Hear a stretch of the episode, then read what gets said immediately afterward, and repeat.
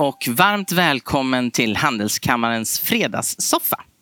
Jag heter Katarina Björnsdotter och är regionchef här på Handelskammaren. Och eh, I den här livesända podden så lyfter vi sydsvenska näringslivsprofiler som vi vet har en stor inverkan på vår regionala tillväxt. Och dagens gäst det är Rasmus Ros, VD på Sparbanken Skåne. Varmt välkommen hit Rasmus. Tack så mycket. Säger man VD eller säger man bankdirektör? bankdirektör är väl inget ord jag gärna titulerar mig med, så jag tycker VD låter betydligt bättre.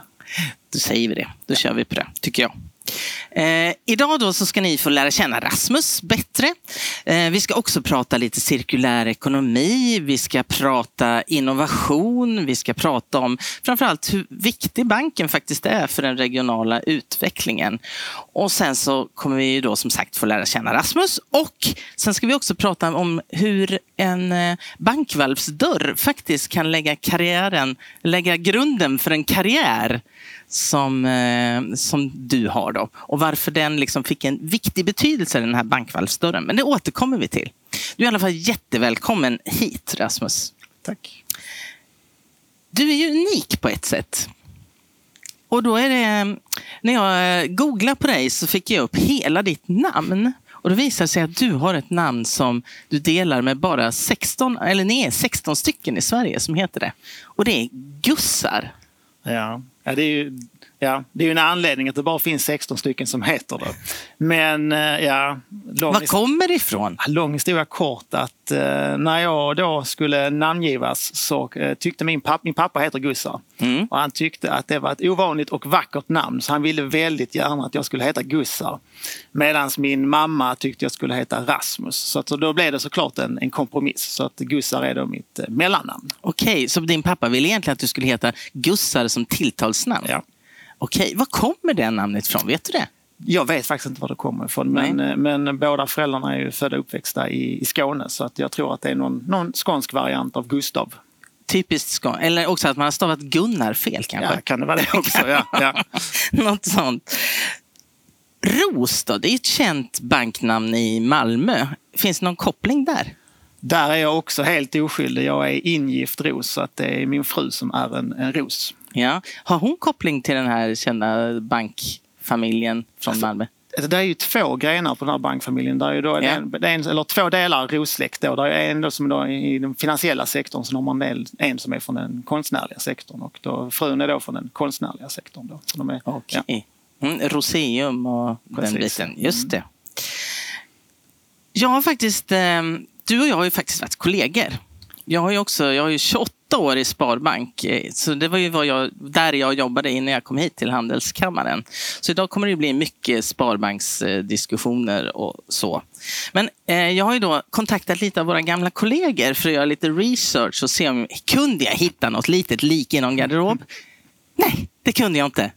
De enda ord som jag har fått av dig det är liksom att du är den perfekta bankmannen. Och du har ju verkligen gått ända från kassa kundtjänst och idag är du VD då för en stor sparbank. Ja, till och med den största sparbanken i Sverige. Eh, du fick också omdömen som att du ligger alltid steget före, du är sjukt smart, du är jätte jättetrevlig, du är affärsmässig, du är vetgirig och så kan du prata med, med hur är det man säger, lärde på latin och med bönder på bönders vis. Så det är bara idel sådana superlativ om dig. Så att eh, nej, det blev ingen smaskig sån här nyhet som man kan smälla upp. Utan du är liksom den, the perfect bankman. Då har de varit snälla när de har pratat om mig. det tror jag faktiskt inte. Var växte du upp någonstans?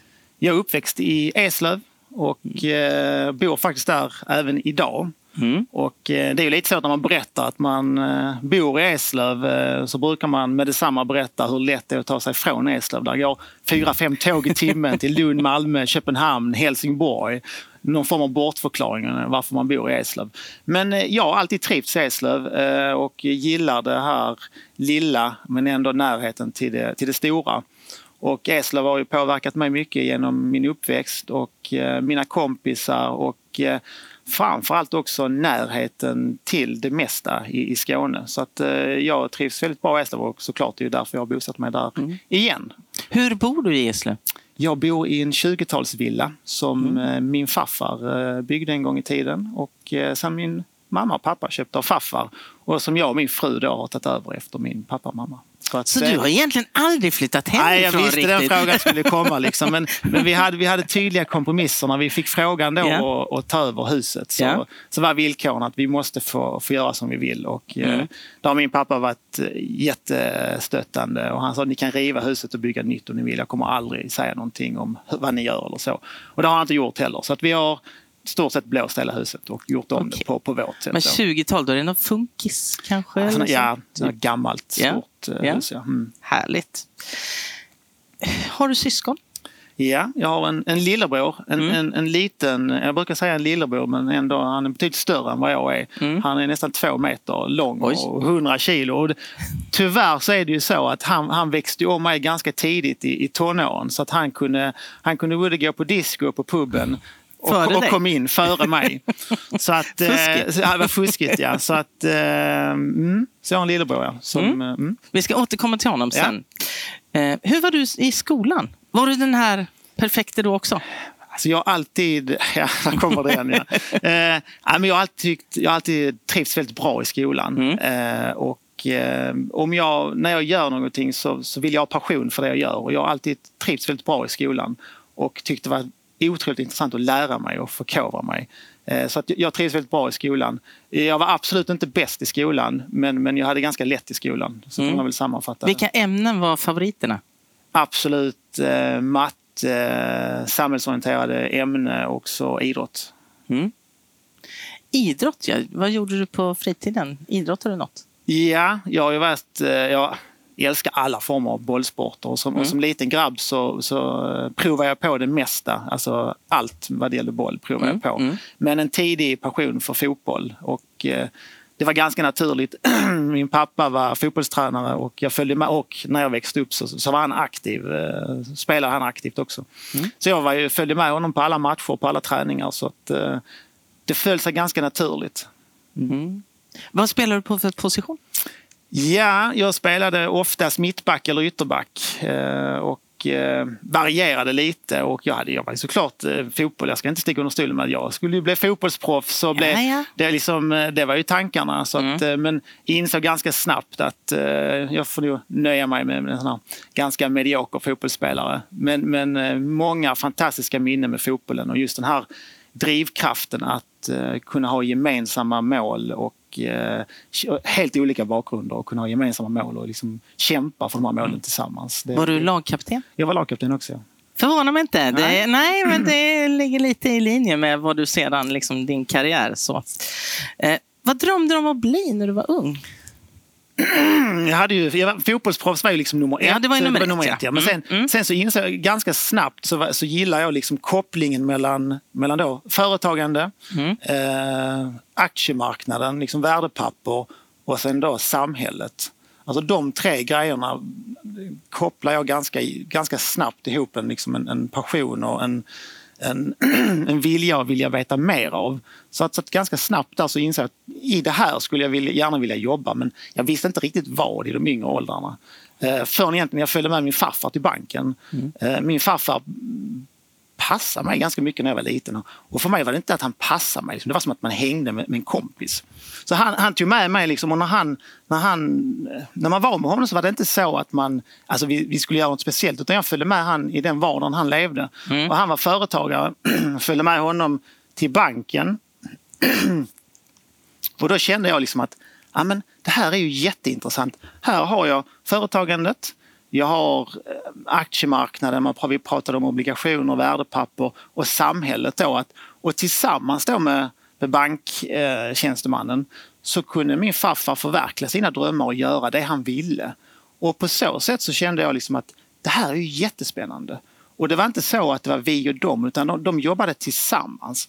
Och där någonstans så kände jag att ja, men, ja, men bank, det skulle jag vilja jobba. Mm. Och då var jag inte jättegammal. Nej, hur gammal var du? Ja, men vad kan jag ha varit? En 11-12 år. Ja, ja. Mm. Men du gjorde ändå den kopplingen med dem, liksom, ja. den treenigheten absolut, där? Absolut, och, ja, ja, och, det, och det kände jag ganska tidigt. Eh, din farfar, har du sagt, var ju också en entreprenör av rang. Så du blev ju väldigt fascinerad av det han höll på med. Kan du berätta lite din farfars story? För jag tyckte när vi pratade att den var så gullig på något sätt. Ja, men det, den är ju lite speciell för att eh, i mina ögon var han liksom verkligen en entreprenör. Och det var mer liksom att han var mångsysslare. Han gjorde väldigt mycket. Han älskar liksom att köpa saker, förädla mm. dem och sen sälja dem. Eh, och allt från, från han hade eh, byggverksamhet, eh, fastighetsverksamhet. Eh, han var lantbrukare och när han var pension, eh, jag säger pensionär, men pensionär så stod han på Mårtenstorget i Lund och sålde grönsaker. Och det var liksom allt. Han, han hade liksom den här passionen för kund, kundrelationer, eh, mötet med människan och sen då också kunna göra, göra affärer. Och han, han lärde mig mycket liksom att eh, det här med det långsiktiga i, i, i, relationer med kunder. Att man, gör du, tar du för mycket betalt, då kommer kunden aldrig tillbaka. Mm. Tar du för lite betalt, då kan du inte livnära dig på det. Så då, då kommer du inte kunna fortsätta din verksamhet. Och att det ska vara bra för båda. Sen ska man aldrig vara överens direkt utan man ska, det ska vara lite knöligt, lite som en brottningsmatch. Mm, mm. Och sen så ska man bli överens. Eh, och, det, och, mycket av det har jag med mig än idag. Och han, och han hade sådana alltså, gamla smarta trick som jag tycker var... Som kanske, det är inte riktigt så det funkar idag, men Nej. ändå lite roligt. Att, liksom att, kan du ge något ja, exempel typ så, på Rasmus, tricks? ska du köpa någonting, mm. då är det på fredagar. För att då är säljarna alltid lite gladare. Då närmar man sig helg. Och ska du sälja någonting, då ska du vara på dåligt humör för då är du liksom lite hårdare i förhandlingarna. Mer så, liksom, lite, lite små tricks. Okej, okay, så innan en riktigt viktig affär ska man äta lite taggtråd? Alltså. Precis. Mm. Sen har du en bror som mer har gått i din eh, farfars fotspår än... Ja, du jobbar ju i... Alltså du hjälper ju idag entreprenörer på olika sätt via banken. Men din bror får du berätta också om. Han den här lille som var lilla, två meter och ja, 100 kilo. Min lilla storebror, ja. ja. Nej, men han, han, har mer av min farfars ådra. Han är ju mm. också en, en superentreprenör. Mm. Och typ när han var 20 år så kom mm. han hem till, till mig och min pappa så sa han till, till min pappa då att uh, jag kommer sälja min lägenhet, jag kommer säga upp mig från mitt jobb och så kommer jag flytta till Finland. Och, och liksom hade mina barn kom hem, kommit hem och sagt det idag så hade det liksom varit ett blankt avslag på det, det påståendet. Men min, min pappa liksom, han såg liksom eh, glöden i min brors ögon och också att han menar allvar med detta. Så det är klart, just som min pappa sa, ja men det är klart du ska göra det. Sagt och gjort då så flyttade min bror till, till Finland, ja då var han 20, ja, drygt 20 år. Och sen så började han sin företagsresa i Finland. Nytt språk, han kunde inte, inte ett ord finska. Men varför Finland? tänker man? Kärleken. Ah, så att han hittade ja, kärleken ja, ja. Och, och, kände att, uh, att uh, ja, han ville prova något nytt. Mm. Och han bor där idag och har tre företag och uh, en 40, ja, drygt 40-50 anställda. Och började från noll och verkligen jobbat sig upp the hard way. Mm. Så att han har den, den genen som, som bland annat min farfar hade. Mm. Men den har inte jag på samma sätt. Jag är inte så eh, våghalsig får man väl ändå säga. För det handlar ju mycket om att ta ta risker Ett när man, mod. När, mod ja. Man ja. tar risker i bank också men då, mm. då kalkylerar man risker. Entreprenörskap är lite mer lite, lite, lite, längre ut på, ja, på riskskalan. Du har ju varit på banken i hela ditt yrke, yrkesverksamma liv egentligen, väl?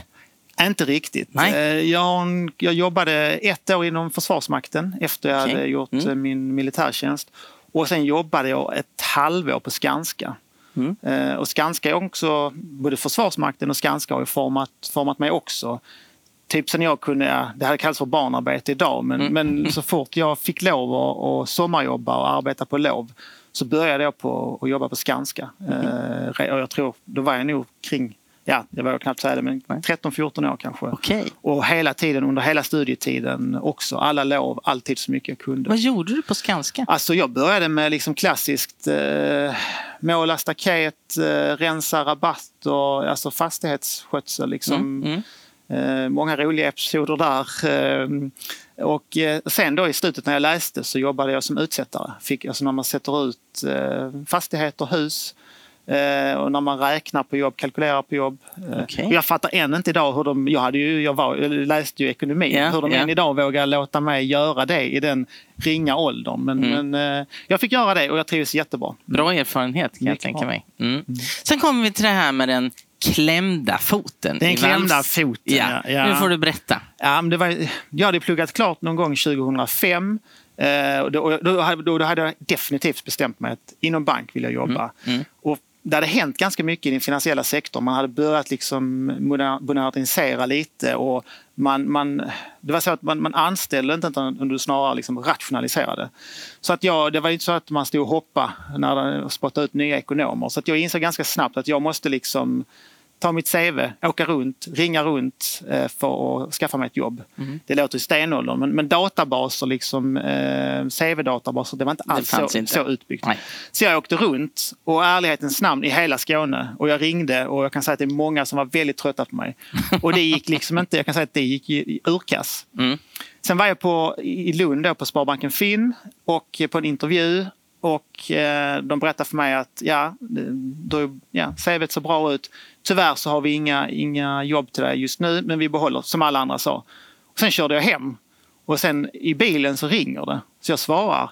Du, eh, kan du börja jobba imorgon? Det är så att vi har en som har klämt, har klämt foten och handen oh, i valvsdörren eh, på Mortens, dåvarande Mårtenstorget. Det är en gigant, gigantisk ja, De är ju inte att leka med. Nej. Har man sett en valvsdörr så vet man ju att... Det var en allvarlig fraktur. Ja, eh, mm. Så att så att så sätt fick jag då, det var min väg in. Vad sa du, du fick in foten? jag fick in foten, ja. ja. Det var min väg in. Det var din väg in, mm. ja. Och så började du då kassa kundtjänst och sen så Precis, jag började i, i Kassa kundservice och mm. Eh, stormtrivdes. Mm. Alltså just äh, jättemycket folk. Du visste aldrig liksom ärendet, när, när personen i fråga kom fram, kunden kom fram. Du visste aldrig, det kunde vara stort som smått.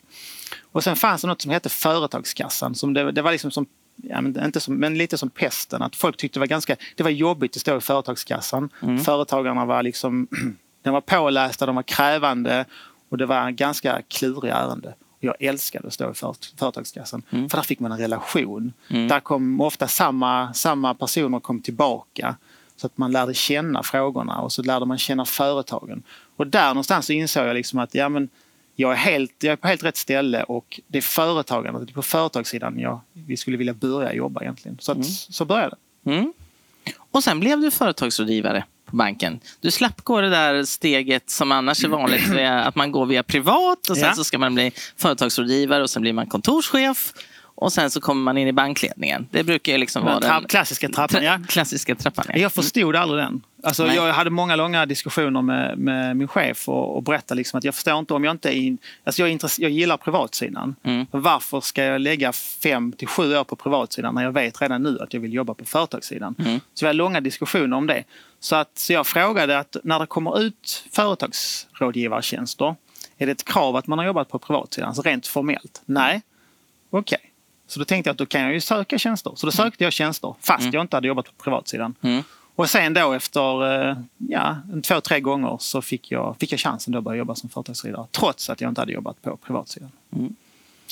Och sen så var du företagsrådgivare några år och så blev du kontorschef. Ja. Var det på Ideon då? Precis, först? ja. Mm. Alltså bankens absolut minsta kontor. Alltså det mm. var som en liten bunker uppe på, i Betahuset i, i Deon. En riktig furu, furu halleluja när man kom in. Eh. Var det inte bok? Det, nej, det var furu, furu, furu okay. i hela, hela lokalen. Så vi var, vi var fyra personer. Så jag, var liksom, jag var kontorschef, jag var vaktmästare, jag var då eh, kundansvarig. Ja, you name it. Liksom. Men det var en mm. fantastisk erfarenhet. Alltså mm. det, ja, det, var, det var jättekul. Och vi var liksom ett, ett sammansvetsat team som visste att eh, vi måste dra in volymer. Vi måste växa, annars är det ett pennstreck så är liksom kontoret borta. Mm. Och, och, det var jätte, jätteinspirerande. Riktig utmaning. Riktig utmaning. Mm. Så, att, eh, så det var mitt första. Liksom. Och det, då blev jag ju då, dess, alltså det var ju sånt klassiskt egentligen som inte... Jag blev chef över mina gamla kollegor.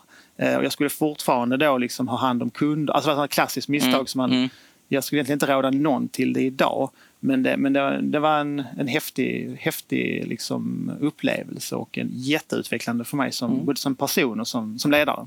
Och sen när Gateway byggdes, ja. då flyttade ni in där? Då flyttade vi in där, ja. ja. Och det var ju också, det var ju egentligen en, en lång historia kort, men eh, min dåvarande chef eh, Lennart Malmbjer och jag mm. började skissa på liksom var, var är framtiden i Lund? Mm. Eh, och allt gick ju med att man centraliserade, du skulle ha större kontor. Mm. Och då var det mer naturligt liksom centrala Lund. Mm. Men när vi tittade då så såg man liksom att ja, men, har vi tur så kommer ESS. Eh, max 4 eh, visste vi att det med stor sannolikhet skulle bli av. Mm. Och om Lund ska växa, kan det växa mer i centrum? Ja, men du har, du har sockerbruksområdet, mm. eh, men det är österut det ska växa.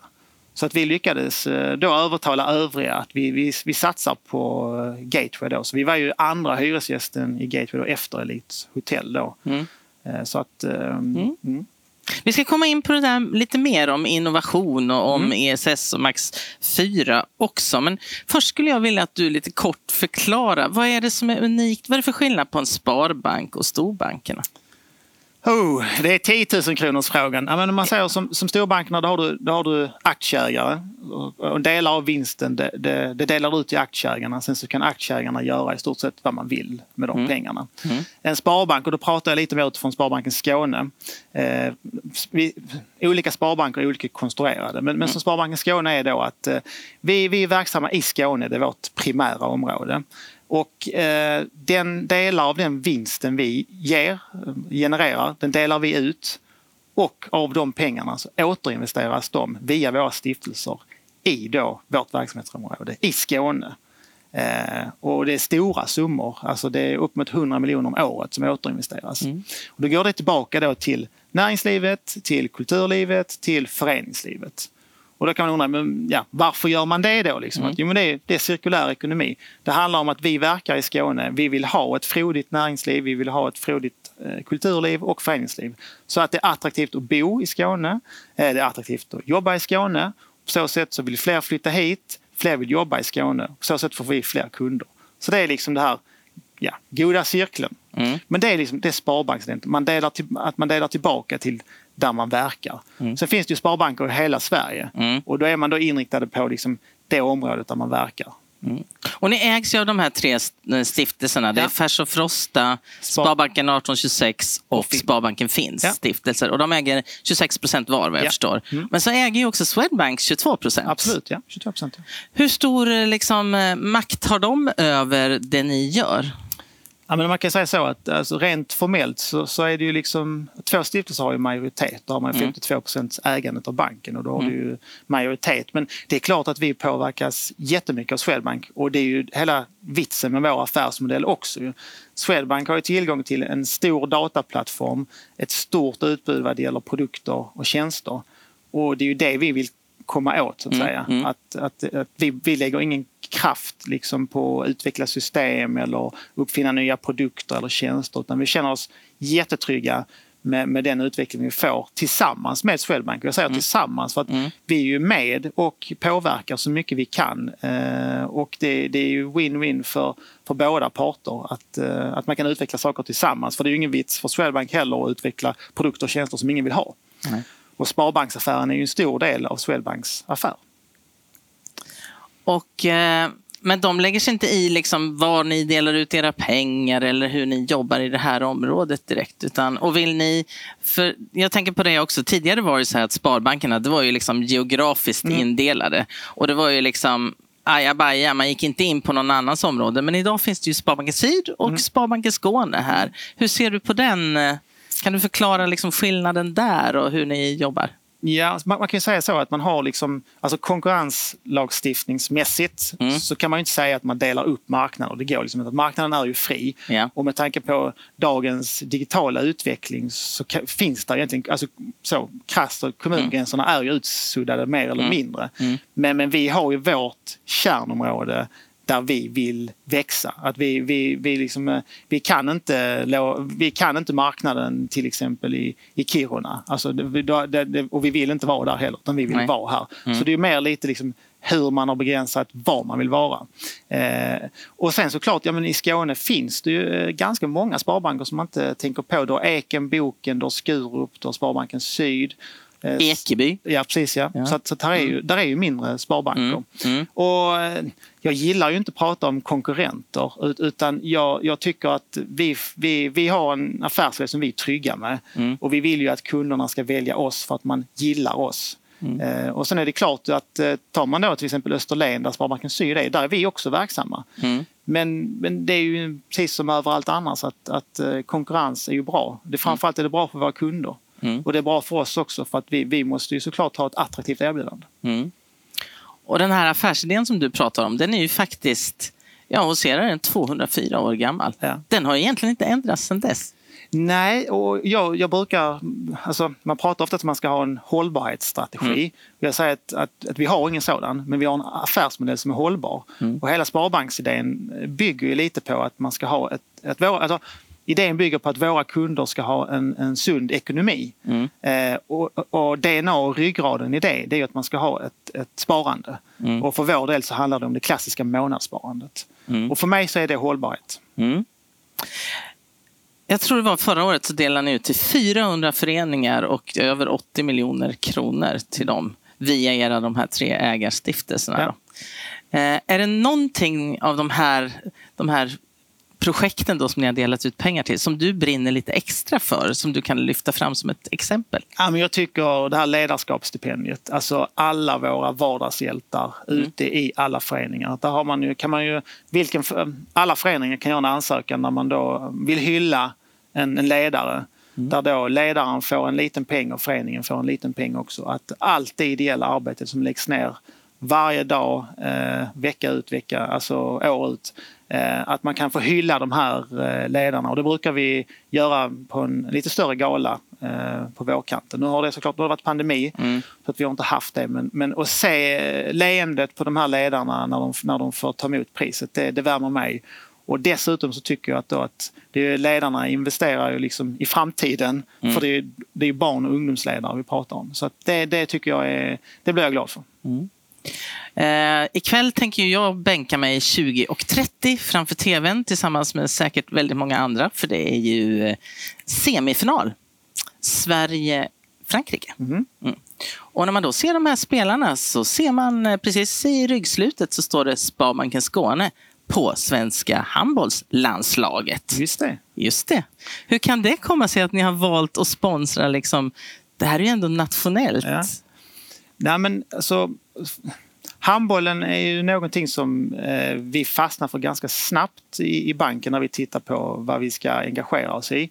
Eh, olika orsaker då att eh, det, är, det är mer jämställt än andra idrotter, till exempel som fotboll, mellan damhandboll och herrhandboll. Ja, de var väl först med lika löner tror jag. Precis, ja. mm. så alltså det, det gillar vi. Mm. Och en, en tydlig linje från unga åldrar upp till elitspel då. Eh, att det är en tydlig bredd för att få en, en spets. Mm. Eh, så det gillar vi. Och sen, sen är det ju klart att handboll är ju stort i Skåne. Alltså vi har många skånska profiler i landslaget.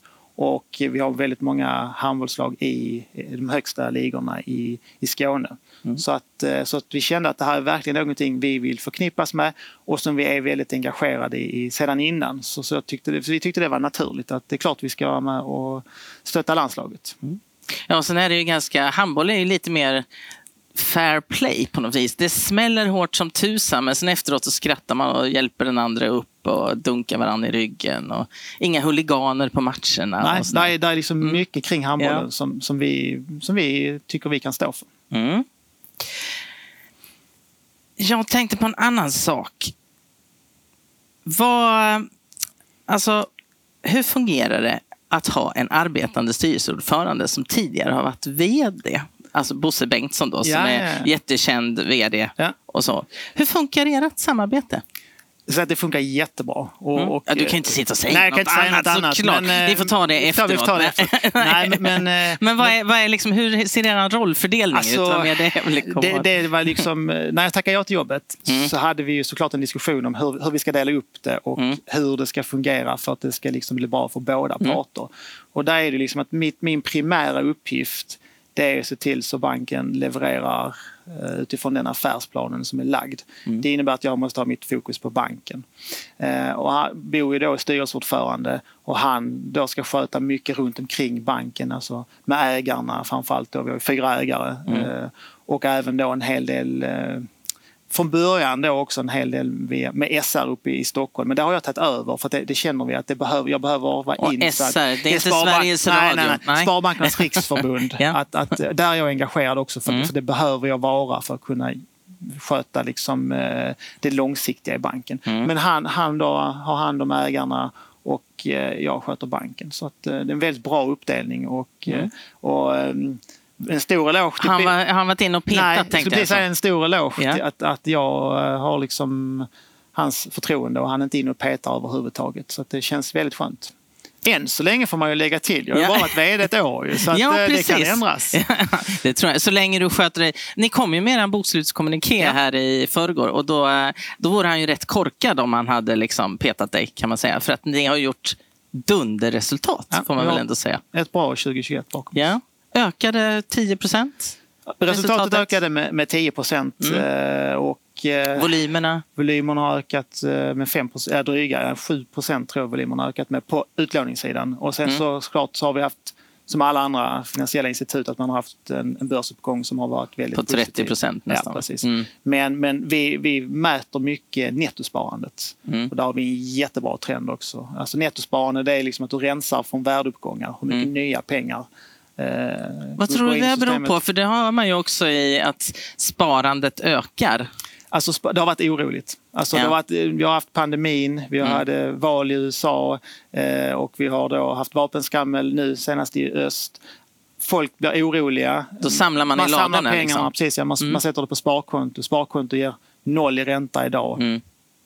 Och sen då att man har en god börsutveckling då så blir det ganska naturligt att man, man ökar sitt, sitt, sitt sparande. Mm. Tror du du kommer jobba på bank hela livet? ända till du blir passionär? Som passionär, du har? Ja, det är en bra fråga. Alltså jag trivs fantastiskt bra och jag har så otroligt mycket mer att lära mig och så otroligt mycket mer så jag, som jag vill göra. Mm. Och, och, det jag har fastnat för i bank också det är liksom att eh, där är så otroligt många olika saker man kan göra och det är så varierande hela tiden. Du vet aldrig hur, liksom, hur din dag, nästa dag ser ut. Så att eh, om jag själv får bestämma så gör jag gärna det. Mm. Om du pratade med dina, eller om jag hade pratat med dina närmsta medarbetare. Vad tror du de hade sagt om dig och din ledarstil? Vad, vad... Oh. Mm. Ja, men alltså, som jag sa, jag, jag, jag, vill ha, jag har passion i det jag gör. Mm. Eh, jag tycker en, en ödmjuk och ambitiös inställning. Eh, jag tycker om att det ska vara... Eh, jag tycker om högt i tak och eh, att det ska vara ett diskussionsvänligt forum. Mm. Men när vi har bestämt oss vad vi ska göra eh, så ska det vara väldigt tydligt. Mm. Mm. Så, skulle jag väl, så skulle jag väl sammanfatta det. Vad tycker du som ledare, vad är det jobbigaste att ta tag i? Men det, men det jobbigaste är ju alltså, när, när man inte får det utfallet man vill. Alltså, man, man, liksom har, man tycker att man har, du har rätt laguppställning, vi har rätt förutsättningar men vi når inte riktigt dit vi, vi vill. Mm. Det tycker jag är fruktansvärt frustrerande och jobbigt för att eh, man har och då, då liksom att på något sätt så man gör ju någon, man måste göra någonting annorlunda men man mm. tycker man gör det rätt. rätt. Och det tycker jag är svårt. Liksom. Mm. Mm. Vad är det absolut roligaste med att vara chef då? Eller Ja, men det, det är att se andra lyckas. Absolut. Se andra lyckas, kunna lyfta andra, få andra liksom att prestera och vara med i det. Mm. Det tycker jag är, det är för mig absolut eh, det viktigaste och roligaste som, som ledare. Mm. Hur jobbar du med att utveckla ditt ledarskap? Och din, eh, gör du det kontinuerligt? Alltså, jag, säga att jag, har varit, jag har varit fotbollstränare i ja. Eh, många år mm. och slutade här nu i våras. Och det var verkligen utvecklande för ledarskapet för att det var liksom brutal feedback direkt. Mm. Eh, och eh, inga liksom hard feelings. Sen gick man vidare. Det, det utvecklar mig väldigt mycket och det söker jag det här, var, det här var 12 och 13-åringar så det var ja, inte ja, så. Men, men de kunde komma liksom efter träning. Liksom, Rasmus. Mm. Alltså den sista övningen, den var skitkass. Och så frågar man liksom, ja, men varför var den dålig? Och då fick du en bra förklaring. För de ja. vågar säga liksom vad man tycker och mm. tänker. Mm. Och det utvecklar ju mig. Mm. Och det, det försöker jag i mitt ledarskap i banken eller som ledare generellt. Mm. Att, att jag måste få folk, att, som jag sa, ett diskussionsvänligt klimat och högt i tak. Att man vågar säga liksom att det, det du gjorde där, mm. eh, det tyckte jag inte var bra därför att. Mm. För då blev jag bättre också. Och dessutom så blev vi bättre tillsammans. För mm. Det innebär att jag måste göra det på ett annat sätt nästa gång jag, om du och jag har en diskussion. Så att, så att eh, ja. Mm. Eh, ni är ju en jättestor egentligen maktfaktor här i Skåne. Dels genom de här pengarna som ni delar ut varje år som ju gör en enorm nytta för både kultur och idrott och även näringsliv. Vi ska återkomma till bland annat den här rapporten som ni ger ut mm. två gånger om året. Men vilken tycker du är bankens viktigaste roll i, i Skåne? Ja, vi har ju en, jätte, vi har en jätteviktig roll som jag säger att vi, och där skulle jag vilja gå tillbaka till Sparbanksidén, att vi, vi vill ju vara en del av det skånska näringslivet. Mm. Alltså en, en, en maktfaktor gillar jag inte riktigt, men, men, vi vill vara en del och bidra till ett, ett, ett frodigt näringsliv, kulturliv, föreningsliv i Skåne. Och där fyller vi ju en jätteviktig roll. Eh, både som arbetsgivare, för våra kunder, för och då också eh, hjälpa till i olika forum eh, för entreprenörskap. Ja. Så, att, så, så att jag tycker vi, vi har en viktig roll men eh, liksom, Sen konkret att peka på en maktfaktor, det tycker jag är lite svårt. Mm. Mm. Men som vi, om vi tar nu covid, mm. eh, som ju har för ett antal företag, vissa företag går jättebra, mm. eh, som har haft eh, liksom, väldigt uppsving under pandemin här av olika anledningar. Men sen vissa företag och vissa branscher har ju liksom helt, eh, ja det har varit jättetråkigt med hela besöksnäring och hotell, restaurang och så. Har, hur har ni möjlighet att liksom hjälpa dem på något sätt? Och vad har ni gjort för era företagskunder som har verkligen hamnat i knipa på grund av pandemin? Ja, och då, där handlar det hela tiden liksom om att ha en, en långsiktighet i, i det vi gör. Och mm. där ska vi, då, vi, ska ju vara som ett, vi ska vara med som ett bollplank och vi ska vara med såklart i vått och torrt. Och kunna hjälpa till eh, när, det, när det går trögt såklart. Men samtidigt så, så, så i vår roll mm. så är det ju också liksom att vi måste ju vara, bejaka liksom riskerna. Och, och, det kan ju till och med liksom att, och vårt jobb är ju att säga nej ibland. Alltså tycker vi att, att det här är för stor risk både för företaget och för företagaren. Mm. För företagarna tar också väldigt stora risker. Mm. Så, kan, så är det vårt jobb att säga nej, att vi tycker att det här är för stor risk både för oss och för dig som företagare. Men självklart så ska vi stötta och hjälpa våra, våra kunder så långt så långt det bara går. Mm. Och det har vi gjort i form av då, ja men det har varit amorteringsfrihet och vi har haft ja, omställningslån och så vidare. Mm. Men där är det viktigt att det är en långsiktig återbetalningsförmåga. Mm. Eh, så att man inte löser det kortsiktigt utan... och sen så blir det, går det galet sen. Mm. Eh, ni ger ut en skånsk konjunkturrapport två mm. gånger om året tillsammans med Öresundsinstitutet. Vad vill ni eh, åstadkomma med den här rapporten? Vad är liksom ert syfte med att ni gör den? Alltså syftet är dels då att eh, skapa en bättre klimat för näringslivet i, i Skåne och regionen och en förståelse för hur regionen fungerar så att mm. beslutsfattare kan fatta bättre beslut. Eh, och så är det klart att vi hoppas att det ska leda till att fler nyetableringar i Skåne, att det byggs fler bostäder i Skåne, Eh, och det ska ju baseras på fakta och, vi vill ju då på ett objektivt sätt belysa faktan hur det ser ut i Skåne och hur det ser ut i kommunerna i Skåne. Mm. Kan du nämna några av highlightsen i er senaste rapport? Alltså det, det som jag fastnar mycket för mm. det är ju alltså om man tittar i Skåne, om man tar befolkningstillväxten i Skåne så har mm. vi en nettotillväxt. Både föds fler än det dör. Mm. Vi har en positiv inflyttning från övriga Sverige, alltså fler som flyttar in än som mm. flyttar ut från Skåne. Och tittar man då framåt så är det ungefär 80 000 bostäder som ska byggas i Skåne de kommande tio åren. Eh, vilket då eh, borgar för en, en, en bra tillväxt både på privatsidan och på företagssidan tycker jag. Så eh, det, det tycker jag är, det är någonting man ska fästa ögonen på och eh, kan gärna läsa lite mer om i konjunkturrapporten. Hur det kommer, på, och då kommer tänker jag som är, nu tar jag på mig handelskammarhatten. Ja. Eh, 80 000 nya bostäder. De ska ju på något vis, eh, det ska lysa i dem helst. Mm. Och det ska vara lite varmt. Ja. Och det ska finnas varmvatten och sånt. Vi har ju redan idag liksom en, en brist mm. på el hur ser du, är det liksom, tror du att det är det stora orosmolnet här framöver? Jag tror att det, det, att det är ett orosmoln, det är ju självklart. Mm. Och, och tittar man bara som hela Sverige förbrukar 140 terawattimmar om året. Mm. Och tar man, bara, tar man bara industrin uppe i norra Sverige mm. som batterifabriker och eh, fossilfri ståltillverkning. Bara det kommer kräva 40 terawattimmar. Mm. Och, eh, och sen vet vi då att i Skåne lite längre söderut har vi ingen vattenkraft eh, och det är brist på el. Vi har haft eh, nyetableringar som Pågen, som Microsoft som har då haft, fått stå och vänta för att man inte kunnat ha elförsörjning. Så det är klart, eh, ekvationen går inte ihop Men nu börjar man ju diskutera vad, vad taxonomin kommer att göra för mm. vad är då hållbar eh, energiförsörjning. Och nu börjar man ju diskutera kärnkraften igen. Mm. Eh, så att, så att eh, någonting måste göras, mm. annars blir det ju väldigt mm. svårt. Och det vet du att det är en fråga som vi driver stenhårt också, det här med de olika elprisområdena, ja. att ja. vi ska radera ut dem. Så att vi, för det är många, har du hört många bolag som har kontaktat er om och fått en chock nu när elräkningen kom? Nej, inte, inte, på för, inte, alltså inte bolag, men, men många privatpersoner. Mm. Mm.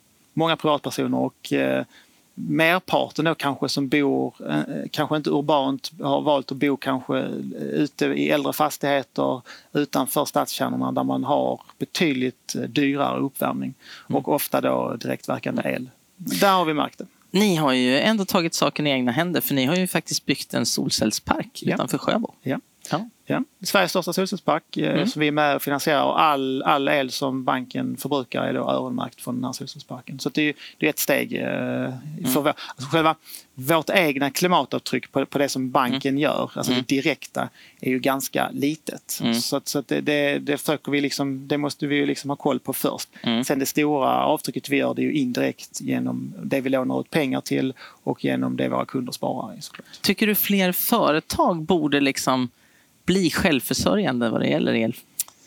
Alltså det är ju, de här stora industrierna är det ju jättesvårt. Men, mm. men vi ser ju alltså att det kommer ju en investeringstrend eh, på, både på lantbrukssidan och på eh, fastighetssidan. Där man, alltså det är ju egentligen två saker man kan se över. Du har ju dina räntekostnader på fastighetssidan och mm. du har din drift. Mm. Och driften, där, där, där sker ju jättemycket då med, både med vad det gäller solceller, bergvärme, det ska vara ledlampor, smart teknik så du kan styra förbrukningen. Så, att, så att det händer ju mycket mm. och det kommer hända, hända mer, det är jag helt övertygad om. Mm.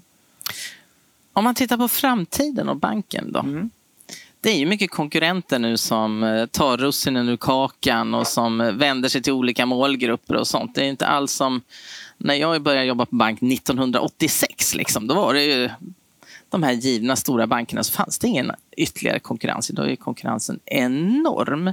Hur ser du på er roll? Kommer ni överleva och klara er? Och hur får ni in till exempel ungdomar som är vana med liksom att jobba med telefon och inte några personliga relationer och så? Mm. Det är en jättespännande fråga. Jag tror mm. hela, hela den finansiella sektorn står liksom för en, en ganska stor eh, förändring. Mm. Eh, man har digitaliseringen, Eh, du har regelverk som blir mer Europaanpassat mm. Eh, och sen så har du också rådgivningen som blir mer styrd. Och det här är någonting man måste, måste förhålla sig till. Och där, där är ju vår, vår strategi är liksom att det digitala, det förväntar sig alla att det, det, liksom, det ska vara världsklass. Mm. Sen har du rådgivningen. Den mm. måste också vara världsklass. Mm. Där kommer ställas mycket högre krav på rådgivningen. Och det är ju där vi ska nischa in oss. Alltså vi, vi kan vi, makro, alltså omvärldsekonomi, det kan mm. vi som mm. alla andra och det, mm. det är ju mycket Alltså där får du stora rapporter. Mm. Mikro då, då pratar man Sverige. Mm. Det kan många andra. Det vi ska då kunna, kunna ha världsklass på, det är ju regionen Skåne. Det ska, mm. det ska, vi, det ska vi vara bäst på. Så, att, så att därmed så tror jag att, och stordriftsfördelning vad det gäller det digitala, det har vi genom Swedbanks plattform. Rådgivningen, det är ju det vi jobbar med. Mm. Och där lägger vi till en tredje pusselbit då, Skåne, Eh, regionen. Mm. Så, så därmed tror jag att vi har, där har vi liksom vår, det som gör oss unikt. Eh, och tittar man sen på konkurrenter och utmanare så tror jag liksom, att du måste ha stora dataplattformar för att utmana det traditionella banksystemet med inbetalningar, utbetalningar. Det kommer man aldrig ifrån. Och det är en jättetröskel. Du måste ha mycket volymer för att kunna liksom drifta detta. Eh, så det tror jag är ganska trögrörligt och det ser vi på konkurrenter som har försökt utmana på detta också. Det tar lång tid. Mm. Det har varit många hypoteksbolag som skulle ha startat. Många av dem har inte lämnat ut en krona idag trots det var åtta år sedan de, de liksom gick ut med och sa att nu, nu ska vi låna ut pengar. Däremot så tror jag på eh, nisch, eh, nischaktörer till exempel, som, som med, med det som betalar är mycket lättare till mm. exempel. Mm. Där behöver du inte det här stora. Eh, som Klarna till exempel. Mm, ja, ja, och så vidare. Att man nischar in sig. Du har till exempel leasing avbetalning. Mm. Där kan man nischa in sig och där mm. finns snabba aktörer som är snabba. Och liksom... Men sen ser man eh, de tar större risker. Tittar man på deras resultat med Klarna till exempel så har de ganska stora kreditförluster. Mm. Eh, Så, så det är olika grejer. Och sen ska man komma ihåg, bakom Klarna, så alltså alla transaktioner, så behöver du någon som kör Så dataplattformen, det är ändå en bank. och utbetalning. Ja. Då en bank. Ja. Så att, men, men, men det är jättebra med de här aktörerna, för det utmanar oss Mm. eh, och gör att vi måste titta framåt. Mm. Och sen när man tar då ungdom, kommer tillbaka Ja. till ungdomarna Ja. så tror man att traditionell bank är stenålder. Men kolla hur många inloggningar vi har i vår app Mm. varje dag. Mm. Det är väldigt många. Mm. Hur många är det? Ah, det är jättemånga. Jag kan, Ja. jag kan inte dem, men det är, det är ju Många jättemånga. Jag tror, Mm. Mm. Och sen har du ju Swish. Mm. Det är också en, en, någon form av digital Mm. utveckling man har Mm. gjort med betalningar. Så att vi är ju inte i stenåldern. Nej. Men man, man glömmer ofta det. Ja. Mm. Vi har fått lite frågor i chatten också. Okej. Hur jobbar ni med innovation och med att ta fram nya produkter till era kunder? Ja, bra fråga. Eh, där är vi ju mycket styrda av, av Swedbank och de Mm. olika kundforumen och påverkansforum som vi är med. Eh, Mm. Så att det är via där de frågorna växer. Mm. Och där ser man idag mycket mer nå- någon form av agil utveckling. Mm. Att, att man, man har någonting som man tror kunden vill ha, så provar man den i olika miljöer och sen visar det något annat. Så, att, så att det, det är löpande skulle jag säga. Mm. Jag tror jag skulle få en fråga om jag hade svalt halstabletten. Men Ja. nej, Nej, Nej, den frågan har inte kommit än. Jag tänkte vi hoppar lite snabbt också till, vi har fått lite så här, vad har du för passion i livet? Oh, ja, men, eh, som sagt var, mitt arbete är min passion också. Jag brinner ju för den här kopp som jag sa. Mm. Liksom, med Om vi tar bort vi tar arbetet. bort arbetet Mm. så gillar jag ju all typ av idrott. Och jag är en fotbollsnörd. Jag, Mm. jag gillar all form av eh, fotboll. Du kommer sitta bänkad ikväll antar jag då? Det kommer jag göra. Ja. Men, men, eh, men fotboll är min liksom, Ja. stora passion vad Ja. gäller idrott. Ja. Sen så är det klart familjen och sen Mm. så tycker jag om att röra på mig i alla dess former. Tävla. Alltså jag, är, jag älskar att tävla. Tyvärr lite för mycket. Så att det, det är inte bra för omgivningen och mig själv. Så att, eh, ja. Vad är du? Är du en dålig förlorare eller en dålig vinnare kan man ju också vara. Alltså dålig vinnare, jag är fruktansvärt dålig förlorare. Alltså det är något jag har jobbat med länge. Alltså, när det var fotboll, då Ja. var det ju liksom, eh, då var det alltid lagkamraternas fel, det var domarens fel. Det var ju aldrig mitt eget fel. Nej. Men sen, har, sen började jag spela golf. Ja. Och nu kan jag inte klaga på, no- vädret kan jag gnälla lite på. Klubborna kan ju vara lite skeva men och det, sånt. det har verkligen varit eh, en, en terapi för mig. För jag har alltid Mm. sysslat med lagidrott. Mm. Men golf, det är bara jag själv. Mm. Bara Ingen att skylla på. Nej. Nej. Men idrott, Fast golfare är väldigt bra på att hitta på ursäkter ändå. Ja. Eh, Det är ofta väder och vind då, Ja, ju som ja. spelar roll eller att eh, eh, gräset är på fel håll och sånt. Ja. Eh, fick jag en till. Hur arbetar ni med att start, eh, stötta startups? det är Den hade jag med här också. man- Ja, men det är Mm. någonting vi har gjort, eh, gjort sen, det ligger lite i vårt DNA. Det är någonting vi har Mm. gjort hela tiden. Vi har Mm. varit involverade i, i eh, inkubatorerna. Vi har ju Lunds Business Incubator, vi har Smile, vi har Kenova och vi har en hub i Eslöv för livsmedel. Eh, Venture Cup, alla nyföretagarcentrum. Vi har varit med där sedan början och stöttat dels då med väldigt mycket pengar Mm. men också med mycket kunskap eh, på olika rådgivningstillfällen. Och jag har själv suttit i styrelsen för Venture Cup, LNC, eh, inkubatorerna och jag har även suttit med i ett, riskkapitalbolag som, som banken är långt tillbaka där olika aktörer gick med då och, eh, för att se till så att eh, företag kunde få kapital i ett tidigt skede. Väldigt engagerad här, jag kan prata länge om Ja, detta. ja, ja, ja, Men, men eh, så vi är med där eh, på massa olika sätt. Mm. Eh, jag tänkte på det också när vi ändå är inne på innovation och så här. Europas största nya forskningscenter ligger ju i Lund. Mm. ESS. Och sen så har vi där till de Max 4. Alla de, båda de här är ju liksom världsunika vad det gäller materialsbeskaffenheter och att, eh, att studera det. Och sen så sa du, du sa ju lite att ni tänkte, du och Lennart, ni tänkte liksom här kommer det hända grejer så vi måste ha ett kontor på Ideon Gateway, liksom den här fantastiska byggnaden. Eh, hur diskuterar ni i banken liksom, just det här att de här fantastiska anläggningarna finns här och att det ska byggas ett helt eh, nytt eh, samhälle runt omkring det? Alltså det, det har ju liksom varit grunden till många olika strategiska beslut vi, Mm. vi har gjort. Ju. Så, att, Mm. så att kontoret då, från den här lilla bunkern jag satt i då Ja, med fyra personer ja. till kontor, kontoret i Gateway idag. Vårt kontor på Gateway jag tror det är bankens tredje största kontor. Så vi har gjort en massiv... Ytmässigt. Nej, eh, volymmässigt. Volymmässigt. Så vi har gjort en massiv satsning på det Mm. kontoret just för, som du säger, ESS, Max 4, Spårvägen, Mm. eh, Medicon Village, eh, alla nya bostäder som, som byggs då österut. Eh, och då ska man komma ihåg kommunikationen då med, med E22 och E6 i, i nära förbindelse. Mm. Och ett universitet och en inkubator. Så att, att liksom, det är en medveten satsning som vi har gjort som har fallit väldigt väl ut. Mm. Och den satsningen fortsätter ni såklart? Absolut. Ja. Um, du har tre barn. Ja. Hur gamla är de? Det, var så här, det borde jag kunna. Men, men 15, 15 13 och eh, 8. 15, 13 och 8. Ja. ja. Vad har de för fritidsintressen? Ja, den, den äldsta då, Filippa, hon mm. är hästtjej. Eh, och eh, ja, häst. Det är häst och stall som gäller. Och eh, jag är så imponerad. Jag är då lite hästrädd. Så att okay. jag, är, jag är väldigt imponerad av hur hon hanterar då de här stora, de här stora, stora djuren. Och mm. eh, arbetet som läggs ner. Det är tidiga morgnar och sena kvällar. Och eh, ja, passionen till, till och någonting med djur också som tar fram en annan sida hos det mjuka hos människor och det här omhändertagande som jag, är väldigt, eh, som jag tror är bra. Du vet att de flesta när man pratar med kvinnliga mm. vd för lite större bolag, nästan alla har varit hästtjejer. Förvånar mig inte faktiskt. Nej. Nej. Det är faktiskt eh, påfallande ofta det är så. Mm.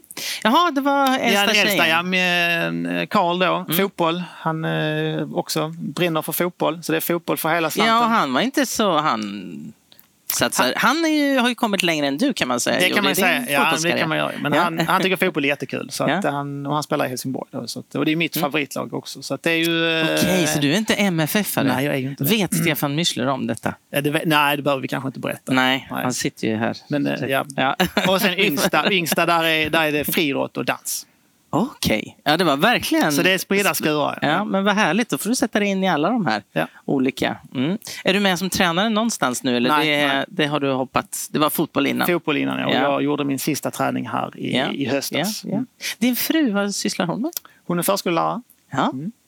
Och eh, ja, man kan väl säga att hon har också fått, hon kunde ingenting om hästar hon heller, så hon Nej. har fått lära men hon har blivit en riktig hästmamma. Hon tycker det är jättekul. Ja. Så, att, ja. eh, så att dottern och frun är mycket i stallet. Ja. Mm. Så nu har jag förstått, du älskar att titta på eh, idrott i alla dess former, framförallt bollsporter och sen så spelar du golf. Mm. Vad har du i handikapp? Ja, så jag blev chockad. Jag spelade faktiskt i söndags. Så ja. jag, jag blev anklagad för att jag var hand, handikappsmyglare. Jag trodde att ja. jag hade 16,9 men jag hade 14,9. Okay. Så att där rök några slag i slutet. Ja, ja. ja. ja. Var är du medlem?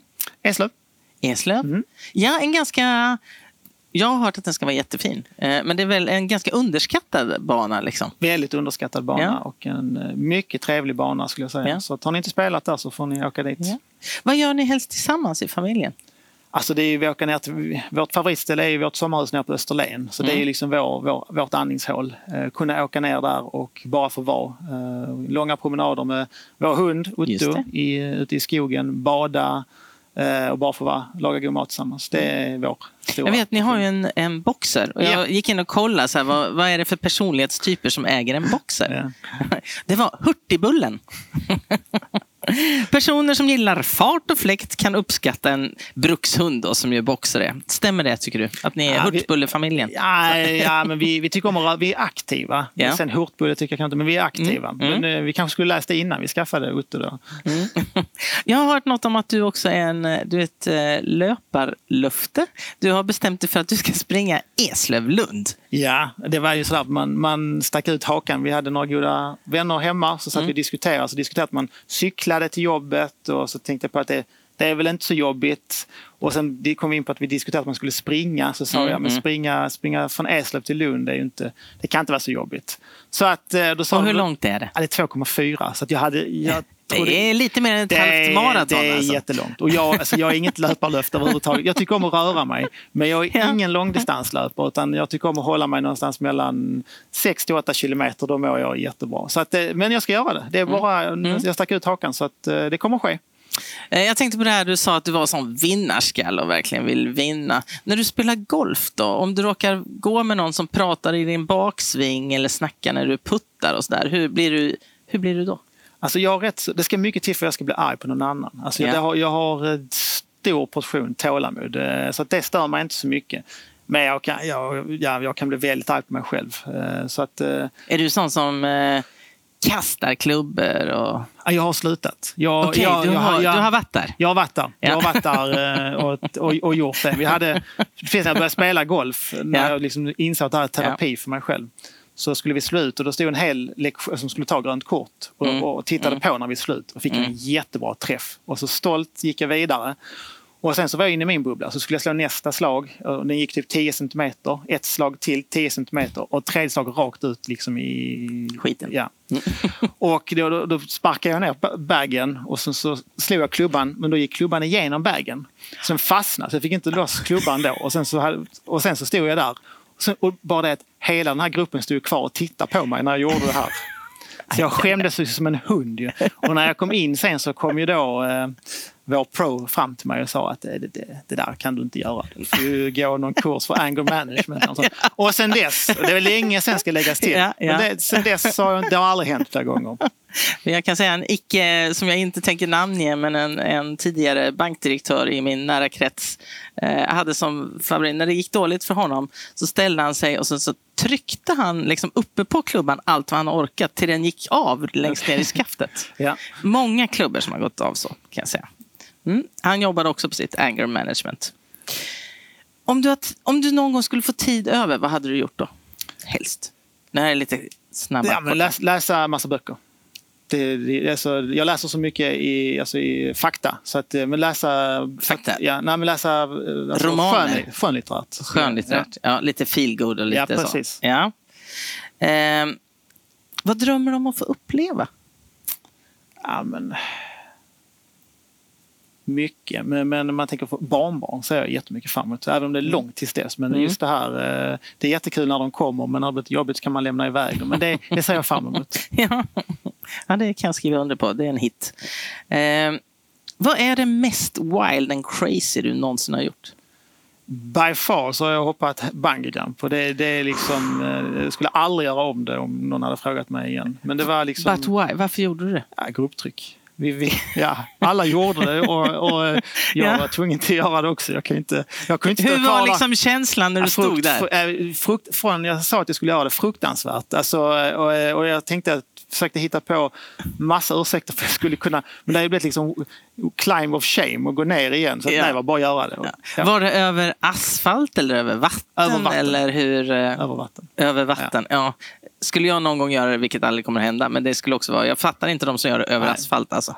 Då är det ju, mm. Vad får du en riktig kick av sådär, så du det blir lite, nästan hög? Ja, men, eh, när man uppnår mål som man har satt. Det, blir, det kan vara i jobbet, det kan vara om du är ute och springer och har satt en viss tid du ska klara. Det har varit om, du har tränat på vissa saker i fotbollen till exempel, om passningskombinationer och sen det bara sitter liksom. Det, det får jag eh, kicka av på olika sätt. Mm. Vad är det tradigaste du vet? Det tråkigaste jag vet är ju när man misslyckas. Eh, det gillar jag inte alls. Det, Nej. det är tråkigt rakt igenom tycker jag. Vilket är ditt livs största motgång, skulle du säga? Livs största motgång? Ja, men det, det, det skulle jag nog säga var när, när eh, Sparbanken eh, Öresund bildades Mm. och eh, vi fick ny vd och man gjorde en omorganisation. Och jag kände att jag var, från min lilla bunker i, i Lund, så jag var redo för att göra något större. Jag var så redo. Ja. Men, men då, då, då blev det inte så, utan jag var ju kvar som kontorschef. Jag, hade ju, jag var på gång och kände att jag ville... Det var en jättemotgång för mig, för jag kände att jag, jag var redo att göra något annat. Mm. Och det var liksom... eh, Det, det var det. Men Det det inte så. det blev inte så. Nej. Men det blev ju desto bättre sen. Absolut. Det blir ju, vill ju gärna bli bra. Mm. Din största framgång då? Största framgång? Jättesvårt att säga, men... eh, Ja, men jag är jättenöjd att jag fick, eller fick det här jobbet. Fick får man ju inte, men att jag, jag sökte det här jobbet och eh, fick det. Det ser jag själv som en framgång. Och sista frågan. Vad är det bästa med att vara Rasmus? det bästa? Alltså det måste ju vara min, min positiva inställning. Att eh, jag ger sällan upp. Att jag har en positiv inställning till det mesta och det, det underlättar vardagen skulle jag säga. Det går, alltså gå och grubbla på saker och ting som kan gå snett eller oroa sig för saker som du inte kan påverka. Det har aldrig legat mig riktigt i, liksom, det, det är inte min personlighet utan jag har en grundinställning som är ganska positiv som är rätt, så, rätt härligt ibland. Mm. Tack så hemskt mycket för att du tog dig tid och kom till Fredagssoffan, Rasmus. Och stort tack till alla er som har suttit och lyssnat. Jag hoppas att ni har haft en härlig start på fredagsmorgonen. Och vi ses snart igen, hoppas jag. Ha en härlig helg. Tack ska ni ha.